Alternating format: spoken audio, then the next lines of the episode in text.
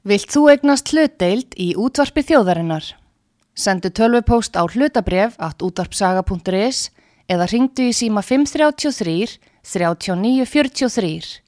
Útvarpsaga stendur vörð um tjáningafrelsið.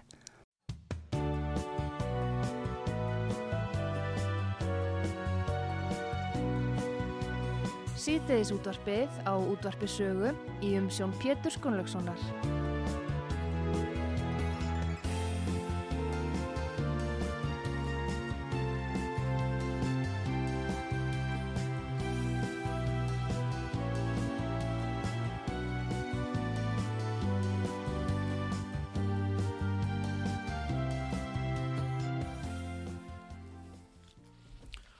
Góðir uh, hlustendur, þið er að hlusta á útvarpsögu, ég heiti Pétur Gunnlaugsson og gestur minn í, í þessum þætti er Guðmundur Hrafn Artgrímsson og Guðmundur er formaður leiðandarsamtakana. Velkomin til okkar. Já, takk fyrir að bjóða mér.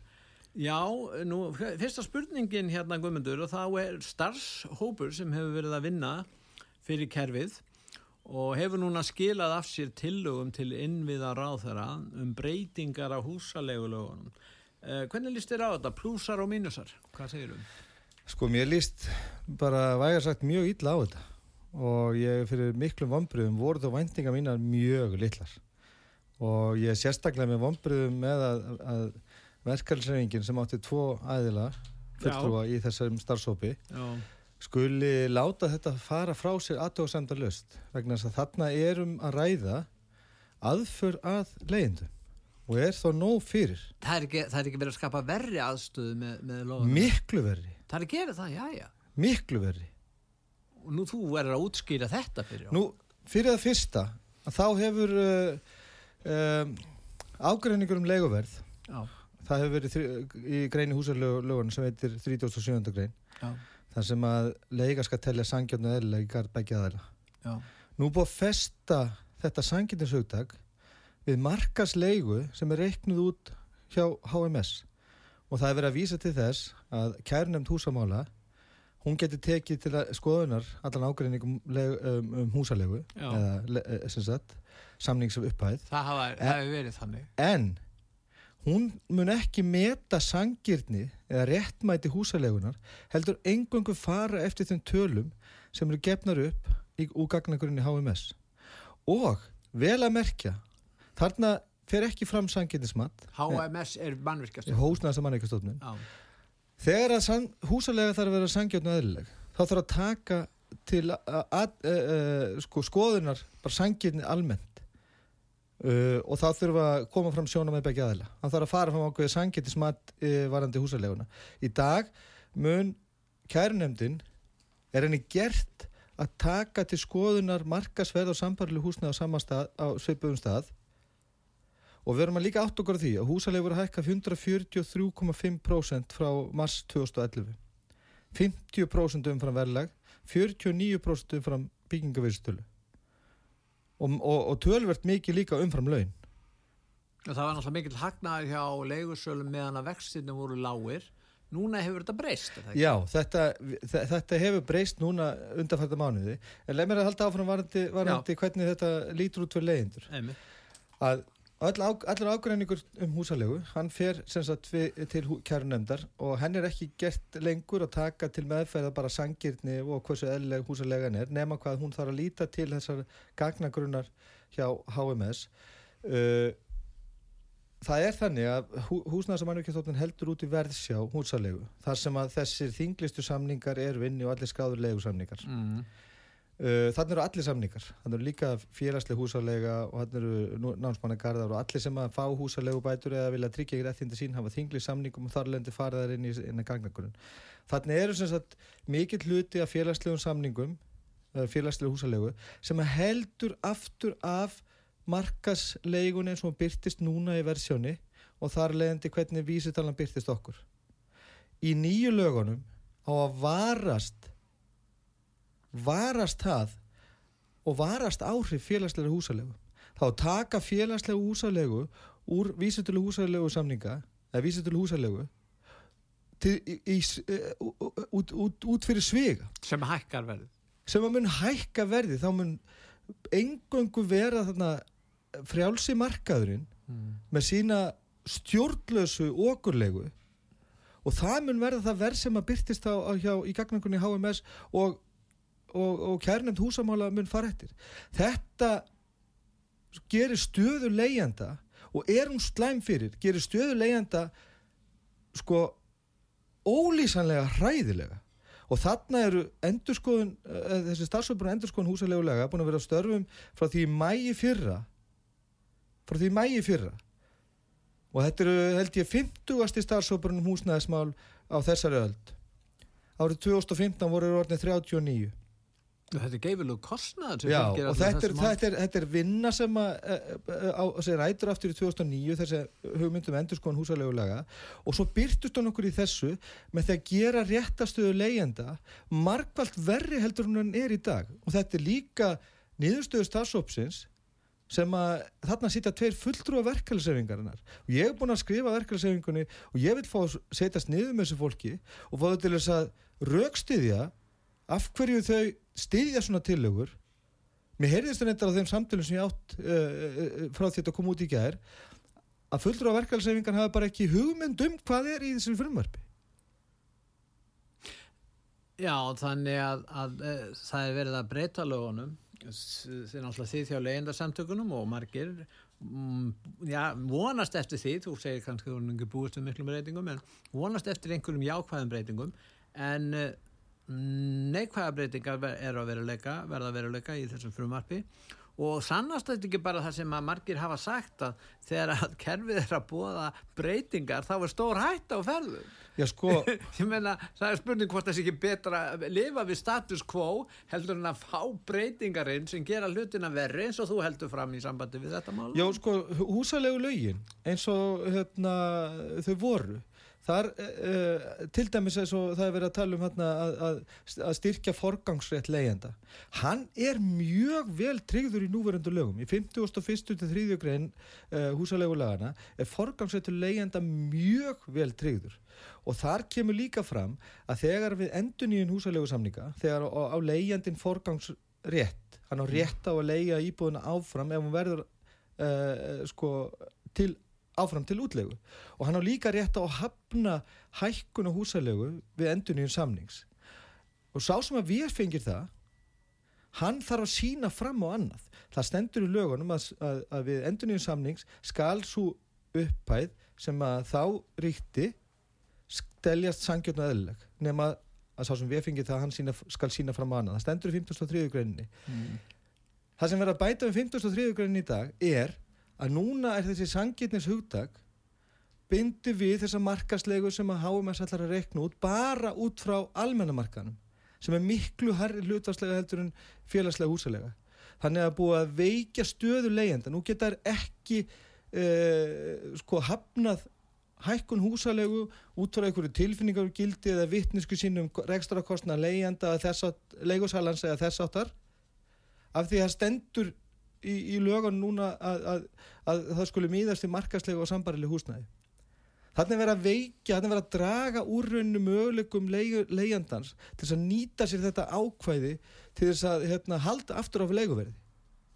En þegar talaður um að verð skulle vera sangjant og eðlilegt, er þetta ekki sanginnisugtæki, það er huglæg viðmið. Já en það er sko, það er huglæg viðmið. það er huglæg viðmið en það er nú til mjög ansi fína doktorsriðgerð um uh, sanginnisugtæki í íslensku rétti og uh, það, það, uh, hérna, þetta hugtæki notað víða, þú erum sjálfur lögfæraði menta, þetta er víða í lögjöfinni og það hérna, eru til mörg dóma fordæmi um það hvernig er farið með þetta hugdag og það, veist, þetta er ekki eitthvað framandi hugdag fyrir okkur að sangirni og réttlæti eh, er ekki eitthvað sem að hérna, þur, þur, þó að sé gildislöðan hugdag að þá ættu við ekki En reynslan hefur sínt það að, að, að, að þínu mati og, og, og ykkar samtaka að leiguverð á Íslandi er ekki sangjant og eðlilegt. Það er ekki sangjant og eðlilegt og það er fyrst og fremst til... Sem að sína fram á það að þetta hefur ekki skilað miklu, þetta, Nei, þetta það, atrið. Það er fyrst og fremst út af því að það er,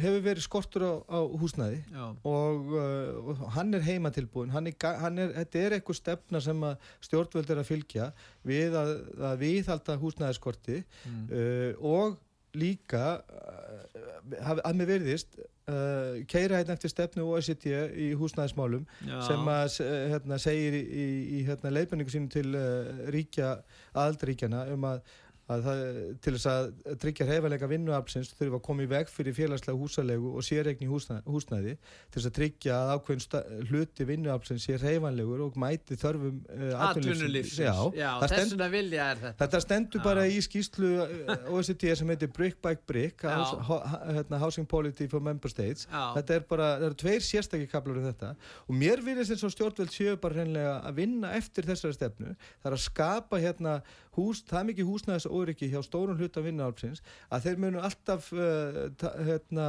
þykja það að færa sem set eða eru bara yfirlt á, á ferðinni. Við mældu það núna bara í vor uh, í skoðanakonun sem er stærsta legukonun sem hefur farið fram á Íslandi, við varum um 1200 svör Uh, og vel að merkja leikumarkaskönnun HMS sem að öll ákvarðan að taka stjórnvölda byggist á.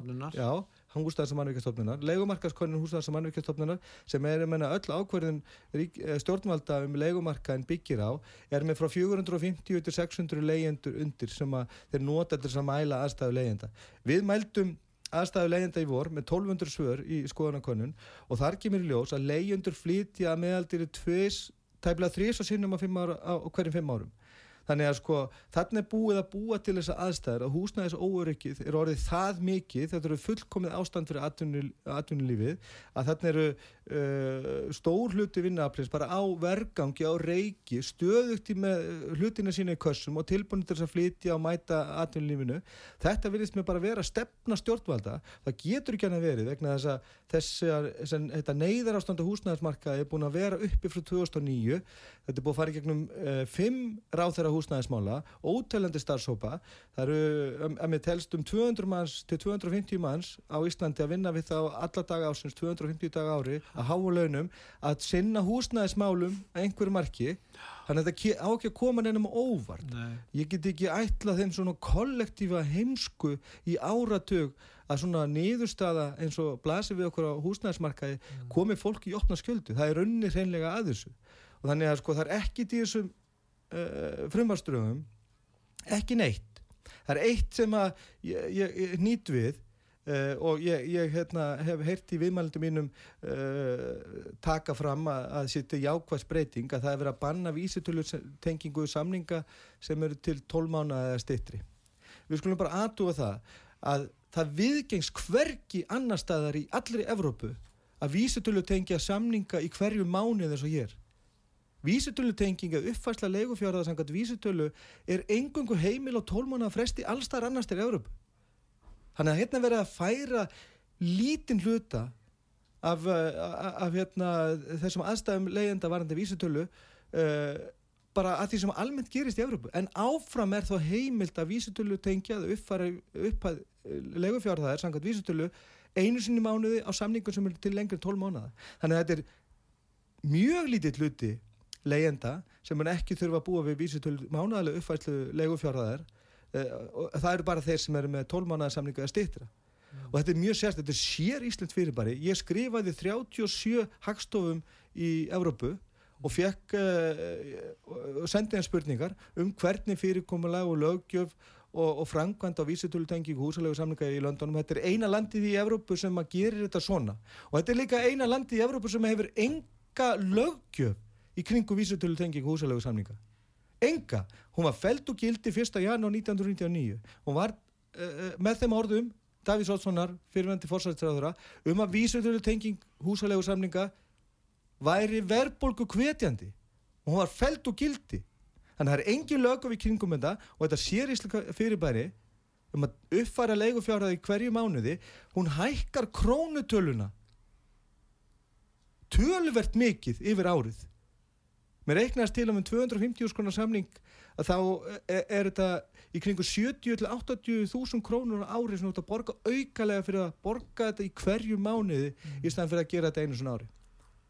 Þannig að þetta, þessi réttabreiting að taka þessa 12 mánuðir samninga og banna vísutöldtengingun á þeim mánaðlega en leifa það áfram öllum hinnum en að segja á samaskapi við ætlum að til þess að allir samlingar séu til lengur tólmánaða þannig að eðlisínu verður þetta engin breyting. En þetta virtist mér í samtölum sem ég átt að, að, að það endaði þannig samtölu mínum fulltrú á verkefælisreiningarnar hinga til að þetta verið það eina sem væri raunverulega breyting að það væri að banna vísitöltengingasamningar sem er til 12 mannaða stýttra en er í eðlisínu engi breyting vegna þess að stefna stjórnvalda er að samningar verði til til engum 12 mannaða Nú starfshópurinn sem er valinn þarna, hann eh, hérna skilur á sér tilugur. Hvernig eh, lístir á hann starfshóp? Fjallur svolítið um hans, því hann skiptir svo gífilega miklu máli. Já, hann skiptir mjög miklu máli og samsetning hans. Við Já. hittum hann, legendarsamtökin, fulltrúar 40.000 heimilu á legumarkaði, hittum hann einu sinni.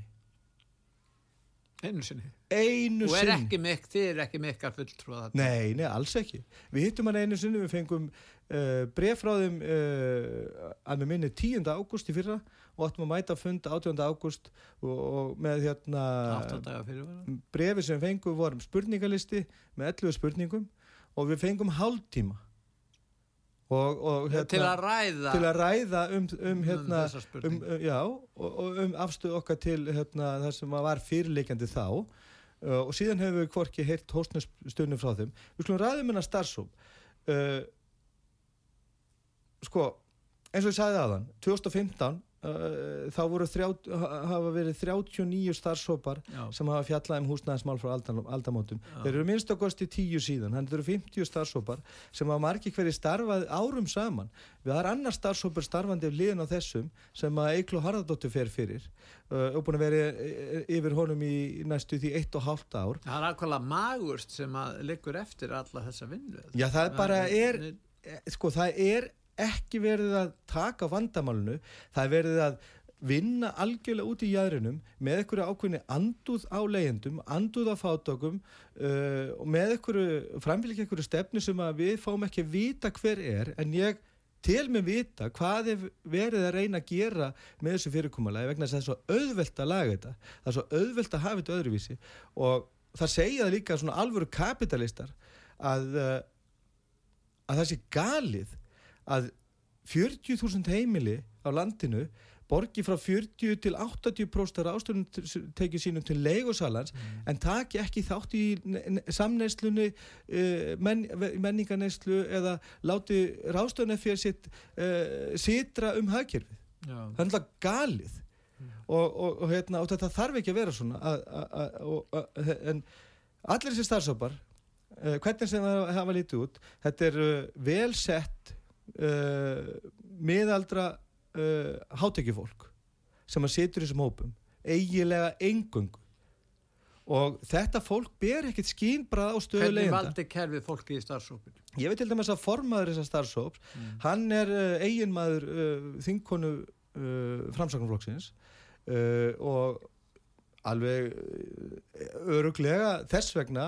verið valin af Sigurður Inga sem formaður starfsópsins á fundi okkar með þessum hópi að uh, þá voru við sökuð um anduð í, í gard eignafólks. Þeir vorum að ræða um... Anduð í gagn eignafólks? Já, við vorum að ræða um þá stöðu á húsnæðismarkaði að 70,5% af öllu húsnæði sem hefur verið byggt á Íslandi frá 2005 hefur endað í höndum lögaðila eða þeirra sem eiga húsnæði fyrir. 29,5% af húsnæði hefur farið til fjölskyldna sem er að leita heimili. Mm og þetta er náttúrulega sko, umpólun í eignarhaldur á fastegnamarkaði mm. sem að hefur hverki annar stað að sést.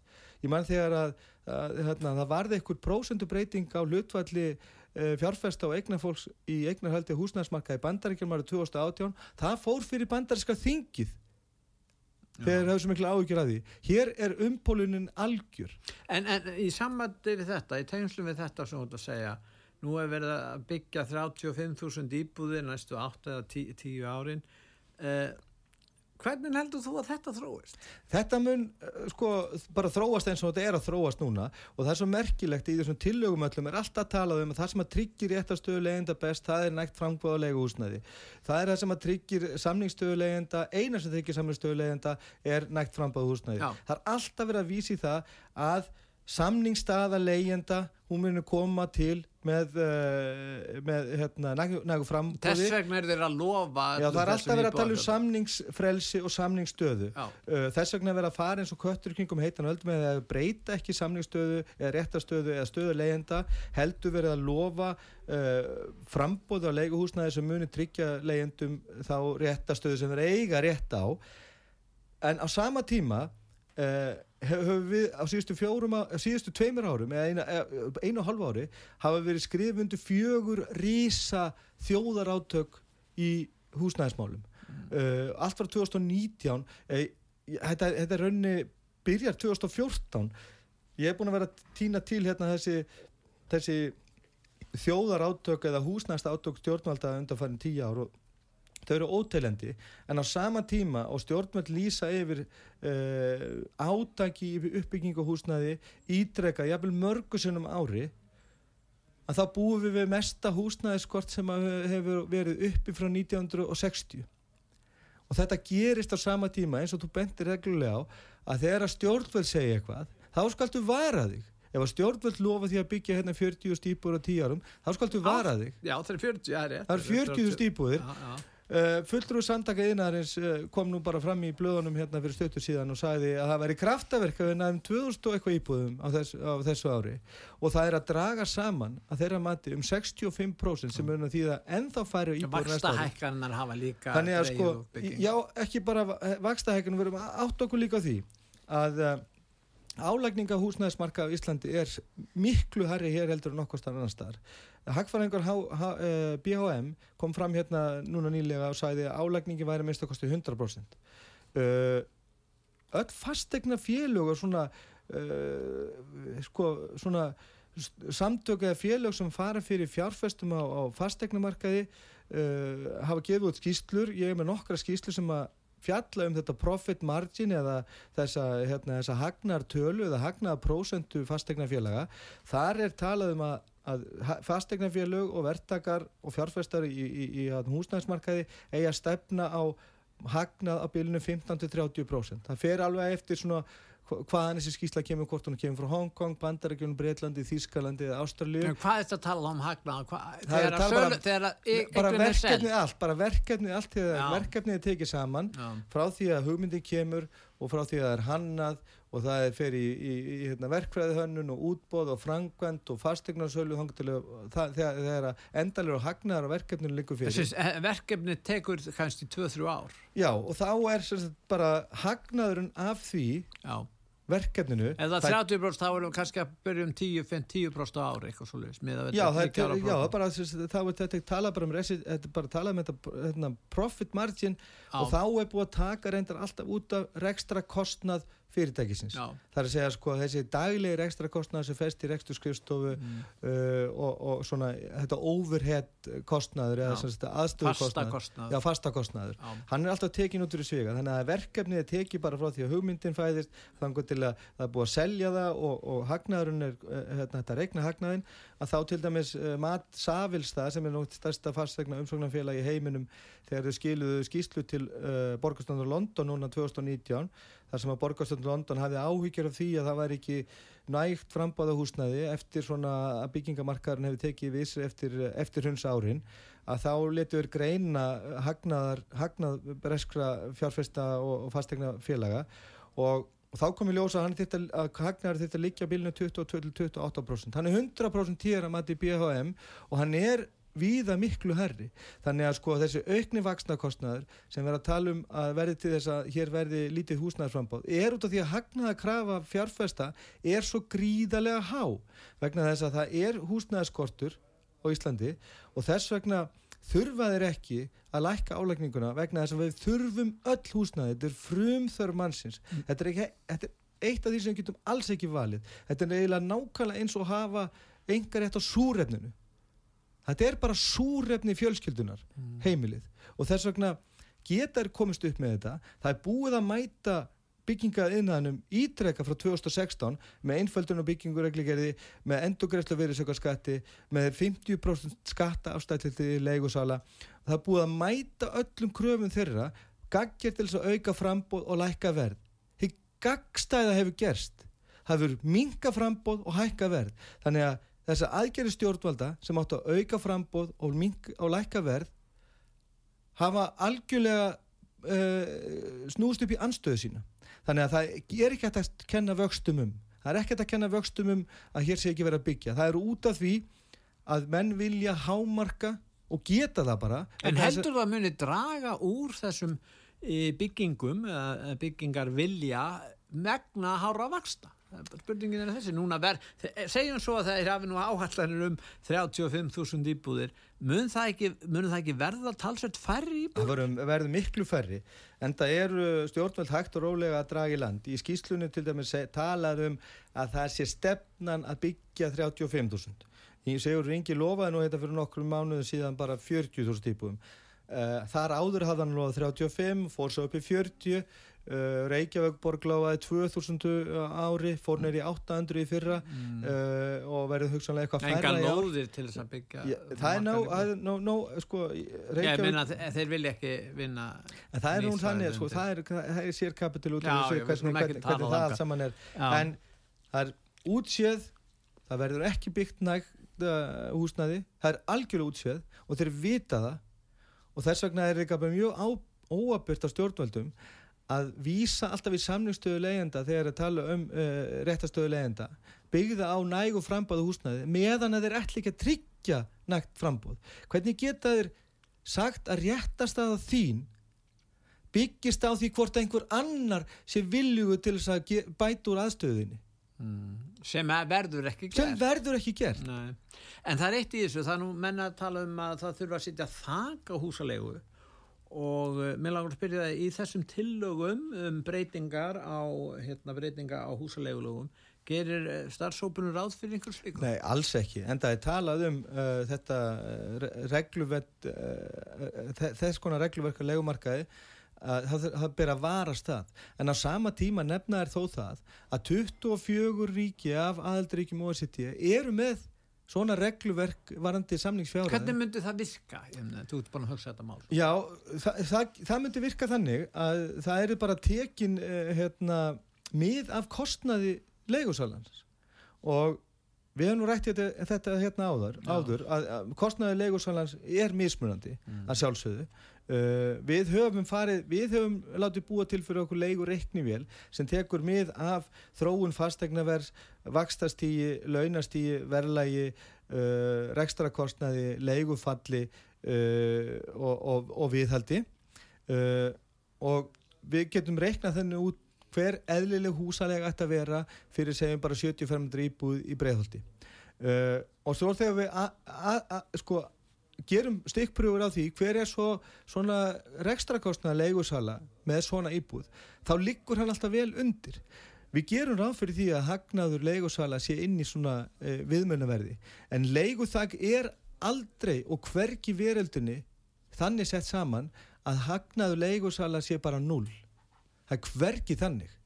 Það er alltaf gert ráð fyrir því að, að, að, leigusak þannig að það þjóni öllum það er ekki gert ráð fyrir 100% en þeir segja sumir, kannski markasinnarnir segja með því að setja þag á húsaleguna þá er verið að skerða markasfrelsi manna í fyrsta lagi og í öðru lagi þá verður minna frambóðu eignum vegna þess að, að það er uh, hérna því að þeir sem að verða á markaði þeir munu óheiðalegu leigursalanir þeir munu láta menn borga svart og bak við tjöldin og það vel ekki tætt að fylgjast með sig já, það, er, já, það er gert nú þegar. Við getum já. ekki látið já en það myndi auka það ef það verið það við getum ekki sniðið alla okkur lögju út frá því hvernig hugsanlega þetta bróta lögin en, en það er svolítið munur, segjum svo þessi svartu markar í dag og maður gefur einhverju gefur upp leiguna að, að þá er það öðruvísi að því leti fyrir flesta þá er þeir að leggja fram samningana með leiguverðun í en þegar það verður sett þak á það þá náttúrulega eru þeir að missa já sko þá hérna uh, þá eru þeir að í raun og veru að brengla markaðin myndið þið segja, myndið þið ekki segja það? Jó sko þetta eru mjög gild sjónamið uh, að það mynd og þetta er, þetta er sannað að það eru ákveðnir fjárfestar sem vilja ekki starfa inn á markaði þar sem er verstýring uh, og, og Kristíni Vætett sem er nú eitthvað mesta autoritet í húsnæðismálum í Evrópu sem hefur rannsakað húsnæðismarkaðin í Evrópu í yfir 40 ár og er professor emeritus hjá London School of Economics hún er búin að rannsaka þetta fyrirbriði og segir og niðurstaðan er svo að þetta hefur ekki áhrif á frambóð nema að það fækkar bröskurunum, það fækkar þeim sem að koma með hérna, kjáft og klómin á húsnæðansmarkaðin til þess að græða á hækkandi fastegnaverði e, til 2-3 ára mm. og það er e, háskólinni í, hérna, í Amsterdam hefur líka reiknað að þegar að hlutvall fjárfesta á fastegnumarkaði fyrir við 20% þá hækkar verð upp úr öllu valdi. Vegna þess að fjárfestar eru þarna inni til þess að hækka fastegnaverði til þess að selja skömmu setna eða til þess að græða á legumarkaðum þannig að áhrif fjárfesta inn á svona óregluveglu markaði leiðir alltaf til mikill að hækkana.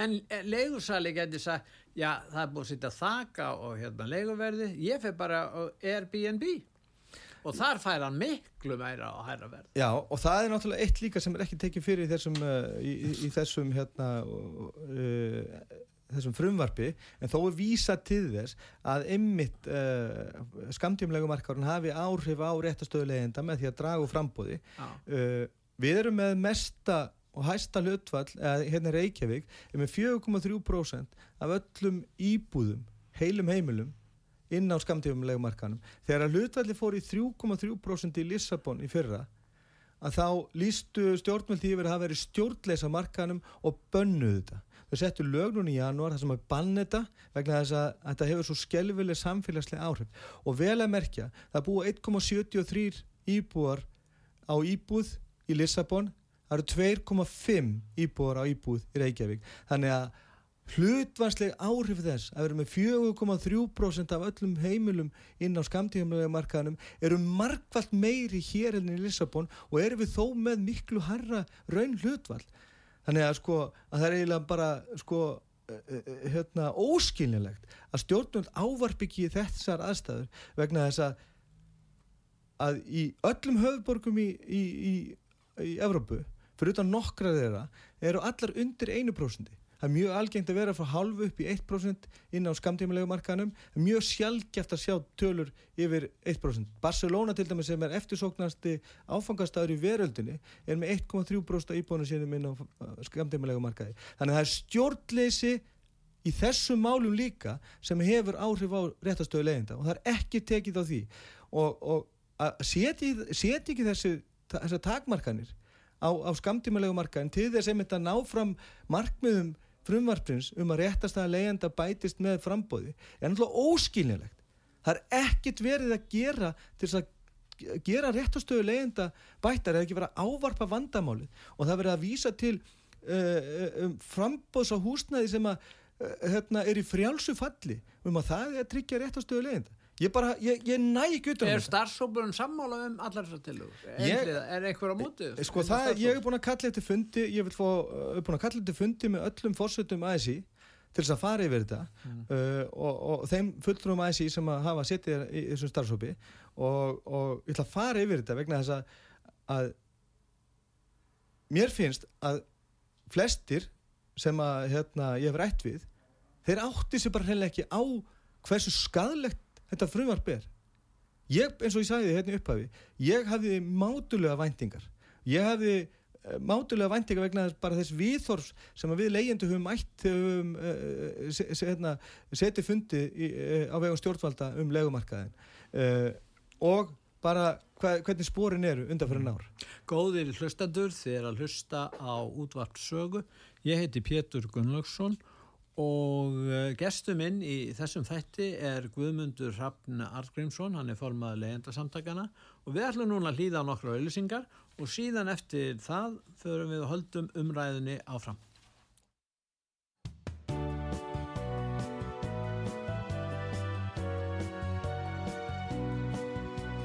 Sýteðis útvarpið á útvarpisögu í umsjón Pétur Skunlökssonar.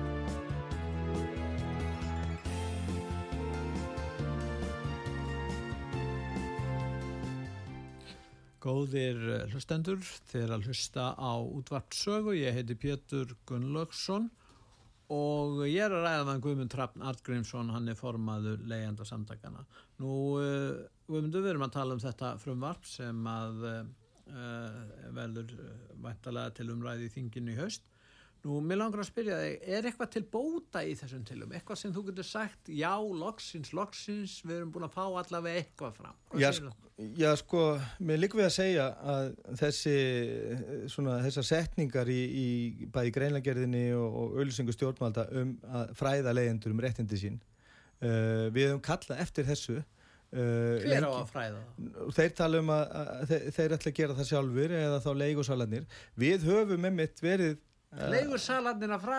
Já, þeim er skilt núna til dæmis við endur nýju samlinga um að, um að kynna leyendur réttindi sínum til dæmis að, um að þeir geti hafnað uh, endur, þessast samlingshækkunum en uh, á, á sama tíma er allur ágreiningur uh, sem er um húsaleguverð sem er tekinn fyrir hjá kern húsamála látin taka með af þessu markasverði sem að kemur fram á heimasíðu HMS þannig að það verður aldrei neitt ágreiningur það, verð, það stendur á heimasíðu HMS hver húsalegan á að vera og hún tekur bara miða markaslegunni þannig að sko að, að, að en, e, sko við höfum alltaf talað um að það eru ákveðin atrið í húsalegulegunum og sérstaklega áður en að 37. greinu var breytt í, í núna e, síðastlegu vor no. að húsalegu lögin að mörgu leiti treyðu uh, leyendum ákveðin, ákveðin uh, grundvaldaréttindi sem við vildum kynna leyendum og það er, til dæmis var það 37. greinni svo snutt og stutt og snakkarlega og talaðum Fræð, fræðslan er góð já, bara sangjörn og eðlu húsaleikar begja aðlega og við töluðum mikið um það og frættum leyendur mikið um það að, að að hérna, húsalega ætti að vera sangjörn öðuleg og við syndum fram á það að hún væri það ekki. Mm. Þá tókum stjórnsett sér til mér stuðumstöftum fyrirvara rétt fyrir jóli fyrra og breyttu 37. grunni og sagðu nei eh, sangjitninsugtakið verður hér eftir bundi markaslegu eins og það byrtist í gagnagrunni HMS. Það áttu þess að því að það var ekkert sangjart við húsaleguna, það var ekki hægt að, að, að, hérna, að sko eh, færa raukstunning fyrir því að húsalega við þróast með sangjörnum hætti það er svona bara ákveður, heyrðu eh, sangjörnishugtakið við, hérna, við bindum það bara við markasverði en Við vorum að fræða leyendur og vorum að fræða leyendur um forgangsrétt leyenda sem er tekinn til í 51. til 3. greinar og tryggir rétt leyenda mjög vel og með breytingunum núna það er talað um að, að, að hérna, leikusalið þurfa að fræða leyendur um uh, réttindi sín við, við hérna, endur nýjum samninga sem er gott og við vorum í því, við vorum í auglýsingaherferð núni í vor þar sem við vorum með, með auglýsingar sem við kostuðum hérna á samfélagsmeilum um þessa grein, 51. aðra og 3. grein um forgangsrétt og, og rétt til þess að hafna hækkunum og vorum að hvetja sérstaklega leyendur ölmu til þess að hafna hækkunum á þessum grundvelli. Já. Það hefur ekkit breyst í þessari grein þó að sé verið að halda fram að það hefur verið að styrkja þessa forgangsrétt leyenda. Það hefur ekkit breyst nema hvað að það búið að staða leyenda við eh, enduníum samningsfjárðar er verri heldur hún var vegna þess að það er mun engin ágræningur í sem leguverð vegna þess að hann er bundið við markasverð. Þannig að það sem við sjáum gott í þessu það er þessi áherslu á að fræða leyendur um réttindi sín en það hefur verið hægt að gera á þess að vera með starfsóp og fullta fólki á launum í öll þessi ár á fullu launum Það hefur verið að gera með að láta það hefur verið hægt með, með því að láta leiðindarsamtökinn fá 100 órs krónum til þess að auglisa í blöðunum. Uh, þannig að sko það er mjög lítið að fretta í þessu. Mm. uh, margt af því sem að kemur fram mun hreinlega skada leyendur enn frekar en orði og mm. það finnst mér bara að vera uh, sko eitthvað sem að þarf að taka veruleg til skoðunar af einhverjum eftirlustofnum hvort sem það er hérna heima eða uh, utanlands. En þá ætla ég að spyrja þig hérna Guðmundur, hvað vantar í þessar tilugur? Já, það vantar, það vantar uh, verðstýringu eða kostnaðatengta húsalegu Uh, það, það verður alltaf að vera þannig vegna þess að við erum með regluverk hérna en um, þá er þetta hvervar svolítið frá markas já, meina, það eru, er ekki greiðslumat í böngunum það ert ekki að fara ekki ennum greiðslumat? Já, bara okkur virkar það ekki á, hérna, á markaðin líka? Já. ef að þú mátt ekki borga nema 35% af tekjuninum í húsnæðislán er það ekki eitthvað svona verðstýring? það, það, það er, er það það er alveg rétt og markasinnar hafa kannski ekkert verið að mótmæla já, bara alls ekki. Það er bara alls ekki, það er talið bæði tryggja hag eh, lántakandans og lánveitandans Já, með, með þessu. Uh, en á leikumarkaði þá má ég rukka þig um 90% tekjunu þínum og það segir engin eitt og ég með þess að bara kvartu til þess. Þannig að sko auðvitað þurfum við að vera með einhvers konar regluverk á leikumarkaði eins og ríkir á, á almennum húsnæðismarkaði. Ef við erum sátt við það að, að það að gildir reglur um húsnæðisbyrði og íþengjandi húsnæðisbyrði þeirra sem er að kaupa, okkur gildir það ekki um leyendur leyendur eru í meiruluta til uh, fólk með læri tekjur hefur verið en er það kannski ekki alveg lengur vegna þess að það er það dýrt að leia nú með að leigu verð bara á 100-100 íbúið í Reykjavík komin yfir 300.000 mm. uh, og, og sko þannig að það vantar þetta inn í regluverkið og það vantar líka að tengja húsnæðisbætur við svona regluverk vegna þess að það er algjörlega galið að vera að dæla 10-11 miljardum í húsnæðisbætur inn á leikumarka sem er óregluvettur þar sem að allar hækkanir á húsnæðisbótum eða bara húsnæðisbætur almennt fara bara í það að íta undur og viðhalda hækkunum húsælegu bæta stöðu leyenda ekki neitt. Bjarni Benditsson sagði þannig bara sjálfur í þinginu árið 2015 við fyrirspunn Helga, Helga Hjörvar að húsnæðisbætur gerðu ekkert annað heldur en að leiða til hækkun húsælegu bætur eh, eh, til hækkun húsælegu og þetta vita stjórnveld og bara með því að vera ítrekkað tilkynna eða búaða hækkanir á húsnæðisbótum þá hækkar húsalega þannig að vera ekki með stýringu af því hvað húsalegum að hækka mikið og vera að dæla þessu fjármækni inn, beint í vassa legusalans er náttúrulega algjörlega galið. Og við viljum sjá regluverk sem tekur á upphafs uh, samningsfjár samnings uh, hérna, fjárhað legusamnings en svo segja ég, það eru 24 lönd í OECD-ríkjana sem eru með þennan háttin á ég er ekki alveg búin að fara yfir hvaða lönd það eru við verðum líka mm. átt okkur af því að staðana húsnæðismarka í löndunum er mismunandi það getur verið staða upp í sömum ríkjum þar sem að samningstæðilegend er bara bísna góð mm. þar sem er mikið frambóð á félagslegu húsnæði á, á húsnæðilega og viðræðilega verði og, og, og þar fram til gödunum og þá þarf ekki svona íþengjandi regluverk en í 24 ríkjum af OECD-ríkjunum er hins vegar svona regluverk sem tekur á upphafleiri samningsfjáræð. Við verum átt okkur líka á einu að árið 2018 þá er 3,47% af öllu húsnæði á Íslandi félagslega reikið sem er lægsta hlutfall í allir í norður og vestur Európu.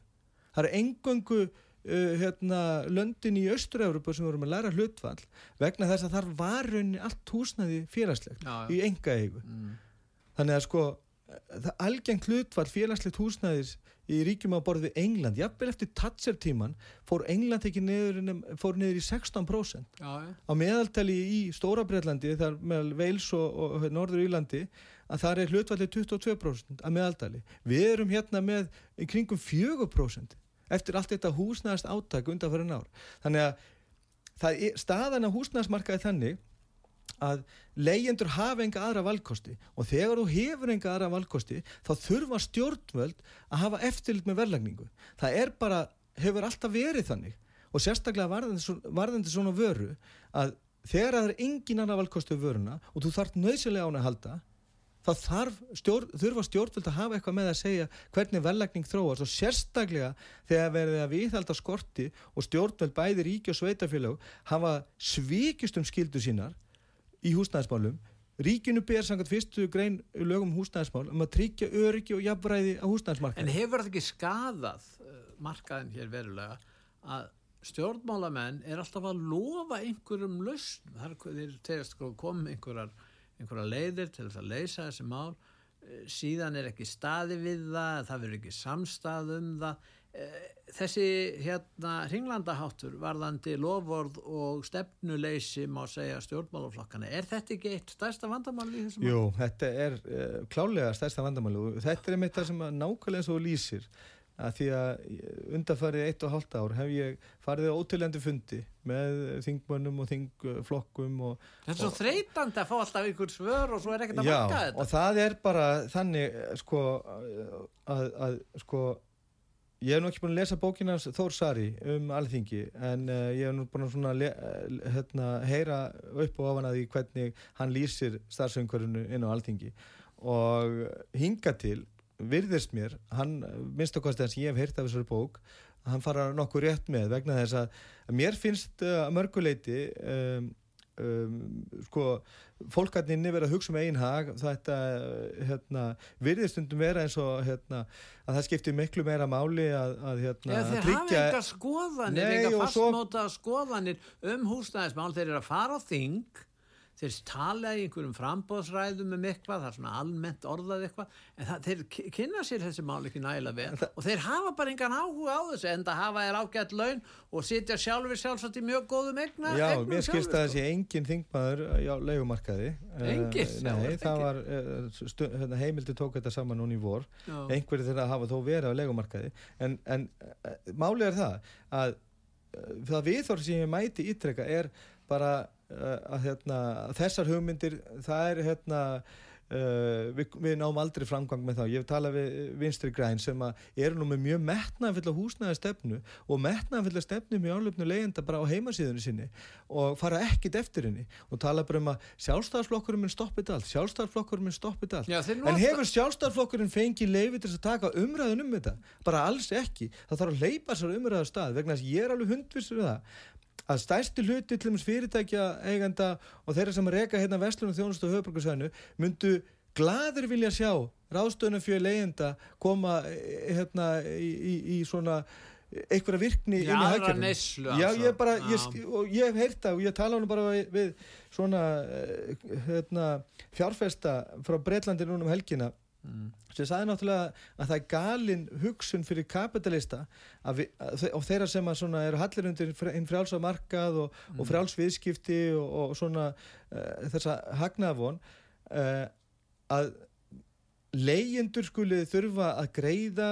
allt upp yfir 80% af ráðstöðunumtekjum sínum til eins aðeins. Það er kannski sjálfgeft að sé það er ekki sjálfgeft vegna þess að sangat vísutölu húsalegu sem vel að merkja í dag mælir húsalegunum svona kringu 30% minni heldur en vísutalan segir tilum já, já. að þá er meðal uh, greiða leyendur að meðaltali 44% af rástöðunum sínum í húsalegu að meðaltali, meðaltali já, já þannig að það er stórt hlutvall ÖBI og Varða reiknaði að þetta væri mellum 15 og 20% af fólki sem að greiti yfir 70% af ráðstæðantekið sem er húsalegu og það eru 15% leyenda sem að sapna skuldum Já. og það er í vanskilum húsalegu vanskilum húsalegu hafa aukist mjög mikið. Já, það þýðir sko- dráttarvextir sko, já það þýðir bara það, fólk hefur ekki efna húsaleguna, nei, nei. getur ekki borga húsaleguna, það þarf að velja millir þess að kaupa sér hérna, kjötfass og karteblur í bónus eða borga húsaleguna mm. og, og, hérna, og svo bara treyst á Guð og lukkuna ja. þannig að sko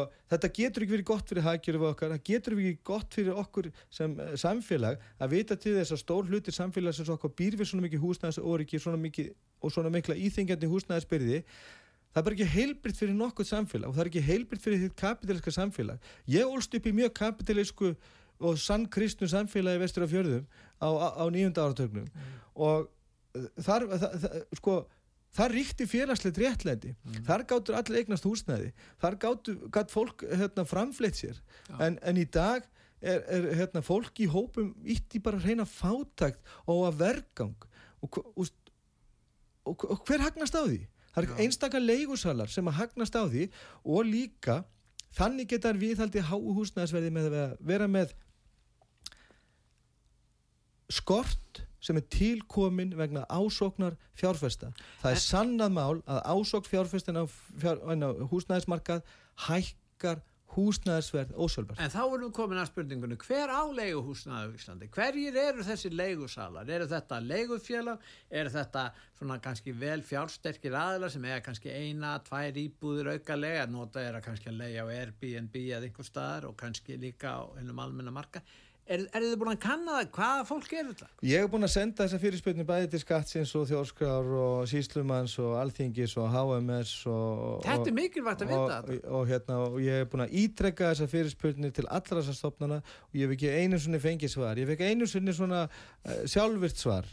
Uh, sko ég veit að skatturum veit, getur upplýst um þetta og uh, uh, þingmenn hafa verið að spurja í þessa átt. Ég hef ekki hins vegar engin þetta er nú hlutverk þingmann sem er búin að fá upplýsingar um þetta. þeir hafa verið að spurja í þessa átt þar sé að byggjum svona ákveðna tölur þetta varðar. Mm. nú við vitum bara að salan á íbúðum íbúðlansjóðs á árunum 2013-17 við vitum nákvæmlega hverju voru það sem keiftu það voru stærstum hluta til lögæðalar en það voru tölvöld mikið líka af einstaklingum uh, við vitum líka nokkur fyrir ekki að umdur hérna fyrir svona 30 árum síðan fyrir mjög aftur í tíman þá voru engin leigufélag á Ísland nei, nei, þessi en... leiguðu áttu kannski auka íbúð í kallar eitthvað starf og það var leiga var bara mjög sangjör þetta var, var mjög... þannig í gamla ég man eftir, ég er um það gammal já, ég man eftir þessu. Og það var mjög algengt líka bara að, hérna, að, að einstaklingar sem tóku saman við annan já. einstakling fluttu saman já. og leigðu aðra íbúðuna og og ég, til dæmis, þegar ég var í námi hérna í tækniskólunum í gamla daga, þá legði ég með þetta einstakleikin sem að fluttu með, með, til kærstu sinnar og, og hérna, en sko það, það, það að eignarhald á húsnæði um, sko, hlutur uh, húsnæðis í eigu þeirra sem áttu húsnæði fyrir og lögæðila uh, var mjög, var í jafnvægi allan nýjunda og tíunda áratögin og fram yfir aldamót var alltaf í jafnvægi. Og það kvartaði engin yfir því að þó var einstakka fastegnarsali eða lögfræðingur eða lifjafræðingur að kaupa sér auka íbúða eða erfana og, og sæta á hann og leiða hann út. Vegna þess að það var nóg frambóð af þeim af íbúðum fyrir þá sem að vildu kaupa. Og ég keipti til dæmis mína fyrstu íbúð 24 ára gammal í námi. Basmóðum mín var í námi líka. Við vorum með lítið bad ekkert bakland, ekki nokkurt bakland. En við kaupum okkur við keiptum okkur íbúði í, í, hérna, í hlýðunum og ég vann auka vinnu með að landa hérna á Bryggju. Þetta var hægt þá. Mm. og það var þannig að, á, að frá 1994 sem eru það eldstu tölur sem tilur í hérna, skráninga við eignarhalda húsnæði og til 2005 þá voru framleitar uh, rúmlega 100% eða sem sagt að okkur fjölgaði um 24.000 manns á þessum árum 94-2005 uh, íbúður í einstaklinga uh, fjö, þeim fjölgaði um 13.000 það er að segja að það voru innan við tveir einstaklingar á bakvið hverja íbúð. Það er að segja að parið átti rúmlega 100% möguleika á því að eignast íbúð á þessum árum 94-2005 en síðan hefur þetta þessi möguleikar parsins á eignast íbúð hefur dreyið saman um 78% og verið rétt rúmlega 20% í dag þar að segja hlutvall einstaklinga sem að eignast íbúð í dag sem hlutvall íbúð, bara íbúð fjölgun og fjölgun og eignarhaldi á, á húsnæðsmarkaði þá eru möguleikar þess að hérna, einstaklingin sem á eignast húsnæði ekki um að 20%. Nú hérna Guðmundur, þú hefur verið að lýsa ástandinu eins og þeir og líka hvers vegna hluta til hvernig þetta er. En þá langar mér að spyrja því, hvað getur þið gert hjá leyendarsamtökunum? Þetta lítur ekki vel út. Eh, það fjölgar fólki á Íslandi geysila mikil fjölgun. Það tíði meiri eftirspurn eftir húsnæði. Við vitum vel að stjórnmálastjættin getur ekki stað undir þessum lofalunum sínum. Við vitum vel að, að íbúðar margt í sambandi við byggingar hefur farið hækkandi kostnaður og, og annað hvernig lítið þið á framtíðin núna bara á næstu árum, hvað getið þið gert og, og er þetta ekki frekar svart útlýtt? Já, eina sem getur breytt þessu, við getum augljóslega ekki breytt þessu, við erum uh, fjárvanna samtök Þeir eru að byggja stjórnbúinastjéttin að breyta Já, við höfum Get, gert það. Þeir eru að horfa upp á þessar tillögur. Já, já, og við erum búin að vera með ákall og forverur okkar e, og formenn og, og sjálfböðuleg leyendarsamtökunum alveg til ásins 2013 hafa verið með nákvæmlega sama ákall og seti samu samráðsfundina og með sömu beinirnar öll þessi ár. Einar sem við getum treyst á er að stjórnmálamenn síni ábyrð og heiðanleika í þessu og taki þessi mál til alvarlegar eh, umhugunar og líka að verkefælsefingin sem að við treystum á. Verkefælsefingin er með tvo fulltrúa, er oftast með fulltrúa inn í þessu starfsópum við treystum á verkefælsefinguna að hún tryggi hagsmunni og, og, og kjör og hag leyenda og Já, það hefur ekki verið að gerast það hefur ekki verið að gerast og þó að verkefælsefingin hafiði náða að framkalla lofvord, mjög ákveðin lofvord eins og í lífskæra samlingunum 2019 Já. um leigubremsu, um stuðning við leyendasamtökin til dæmis, þá voru þau bæði lofvord svikin leyendur hafi ekki fengið einustu krónu frá stjórnvöldum. En getur verið leið út úr þessu að þið farið bara að byggja húsnæði, farið út í byggingaframkvæmdir uh, semjið við verkefælsefinguna og lífverðisjóðina og áhrif verkefliðsefingin hefur á þessa lífriðsjóði marga og, og reyna að fara þá leið í staðin fyrir að vera trist á stjórnmálamenn og heyra lofur frá þeim næstu áru og ára tíu. Hvað séu? Þetta er líkiladriði, Pétur. Já. Þetta er algjört líkiladriði og ég held að þetta sé kannski það eina sem við getum gert og við erum Nei, er það ekki nokkuð ljóst að þetta er einu sem ætti er ekki og það eru fordami fyrir því. Já. við erum búin að vera í samtölu við framleiðendur á einingahúsum til dæmis. Við erum búin að hafa samband við Evróska fjárfærsleikabankan Norranna fjárfærsleikabankan uh, ég hef búin að senda beðni til uh, svona Uh, samfélagsstyrkja sjóðsjá EES og, og ég var nú út í Makedóniu um daginn og hitti þar fyrir fulltrú á mikið þessu stopnana sem voru að fylgjast með húsnæðismálum í Makedóniu mm. og engi þeirra hefur verið að lána í verkefni hérna á Ísland og þeir furðuðu sig á því áhverju að enginn af sjóðunum hefur komið hérna inn og fjárfest í félagslegu húsnæði eða óhagnættumlu húsnæði eins og þeir eru að gera um alla Evrópu. Þannig að það er næsta skrefi hjá okkur, það er að fá þessu sjóðin inn. Það er algjörlega útsíð með að lífyrísjóðin vil ekki koma nála til þessu. Vegna þess að þeir eiga svo mikla... Getur ekki verkefliðsefingir haft áhrif? Þeir eiga, hagsmunni þeir eru að liggja í í þeim íbólanum sem þeir eru með og þeir vilja náttúrulega með yngu móti hafa áhrif á hugsanlegt eh, hérna, verðmæti og stöðu útlánarsapsins hjá sér með því að hugsanlega hafa dempandi áhrif á uh, fastegnaverð. Ég, ég sé það ekki fyrir mig vegna þess að við, ég hef búin að skrifa uh, flestum lífyrirsjóðum á landinu einmitt til þess að fá að taka þetta samtal erum fengið svör, ég get ekki sagt annað en þau eru mjög treg og ég veit að lífyrirsjóðunar eru treyji til þess að koma inn í þetta.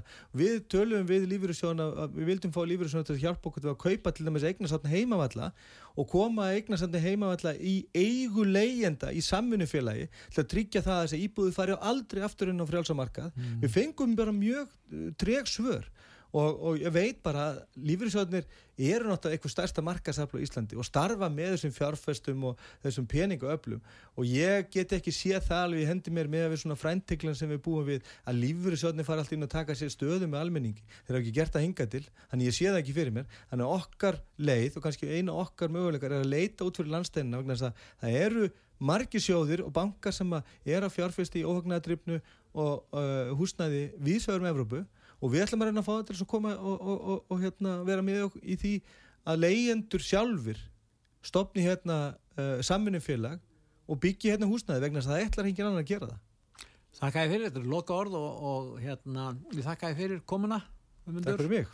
Og hérna, ég þakka hlustendum út var sögu fyrir að hlusta. Verðið sæl